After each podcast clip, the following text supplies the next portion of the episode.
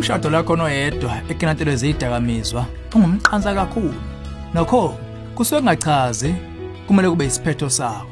Kulolu hlelo ezomndeni sizokhuluma ngendlela zeyisombululo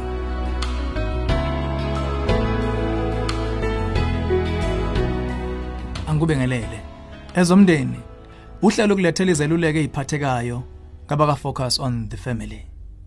Umbuzo wethu namhlanje uqhamuka kumkhwena oxakekile othe Ngakubululeko lwezemshado lungasiza unkosikazi wami ukenatele zidakamizwa futhi ongayimisela ukusizwa kuzo.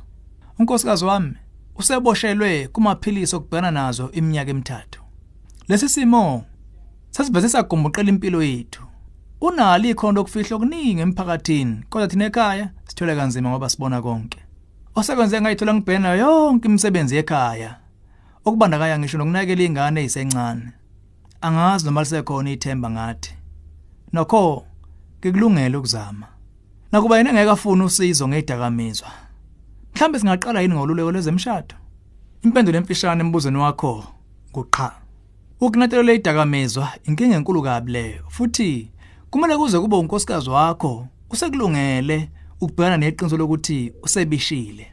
Kuncane kabi okungasiza ngokuqala ngoluleko lwezemshado.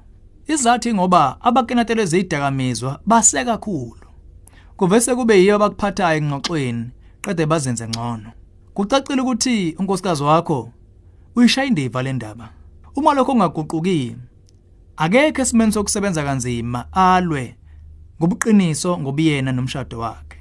Phambi kokwenza utho sikhuthaza uqale ululekeke kumaluleko oluqweqwe ongumKristu.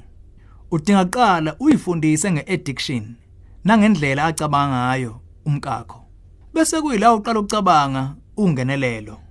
Indlela ehloniphekile yokungenelela yila khona ikicabana labantu abakhathazekile bevumelana ukubhekana nomkinatelwa baxoxe naye ngenhlonipho ngendlela yokuyiphatha kwakhe okuwukuyibhidliza siqo. Kubiza ukuba ulungiselelo olude nocwaningo oluqondile ngendlela umkinatelwa edakamizwa angasizwa ngayo. Ongaba zinsiza uhlelo kadokotela ululeko nokwedluliswa. Kuyasiza kuqala ukuba nazo zonke lezi ikhali phambi kokubhekana nokusiza wakwakho. Kwingxoxo yonke kumele inkulumo yonke ikhulume ngomkinatelwa. Ungomvumeli ashintshe isihloko akhomba umunwe kuwe noma komunye. Inhloso nqangi yakho ukumphoqela ekusizakaleni. Kusheshisa lokho kuzoba losizo. Kumele azavume. Uma engakavumi kuncane okungenziwa. Leli qolo labantu ke linalolu sizo. Liqinisa ububi bokubhidlika kwempilo yonkosikazi wakho. Liveza ukuthi izikhalo zakho ziyiqiniso nokuthi isombululo simele ukuvela kumkakho. Okugcina, lisiza ukubumba umndeni wakho esweni lakho lokusiza unkosikazi. Uma ivuma ukuhambisana nani osizweni leyidakamezwa, ila khona usungaqala ukucabanga ukuhlabela kwelesibili igiya lokululeka ngokomshado. Uma iqhubeka edlanga alakwasane, ayi uyobususelwe iswele lodwa kuphela. Asicizelele. Sikhuluma lana ngeso lokulapha isimo ngokuthi ke nithi ukuqhelelana. Isigaba lakho udinga ukusebenzisa uthando olunesandla esiqinile. Sikhuthaza uveze ubucayi ngokunika unkosikazi wakho amanqamu. Ungasho uthi kuye kukabili mkami.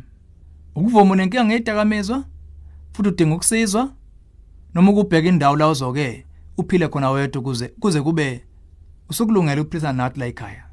Ukuqhelana yikho phela ongamvula amehlo ukubona izinga lengwadla qeda govuzeke engqondweni ukuyicinga uyaphina nempilo. Asikhumbuze inhloso kuminhloso kakusiyoneze ukuba nehlukanisa. Inhloso yakho konke ukuba athi ukuthwishika ingqondo kancane qeda funa usizo ngokinatelo leyidakamizwa.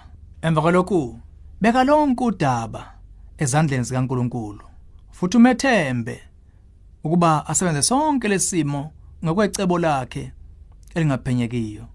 Mazisi wakwakho angaxhumana kanjani nawe nokuthi uyobukulungela ukuxoxa naye kabusha. Inqobo nje uma isebona isidingo sokuphuma kulolu bishi.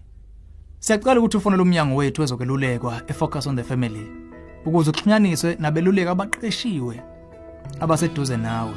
Inombolo ithi 031 716 3300. Thatha leso sinyathelo sokuqala ukwenza unkosikazi wakho abona udlali ngoguquko oludinga lwenzekile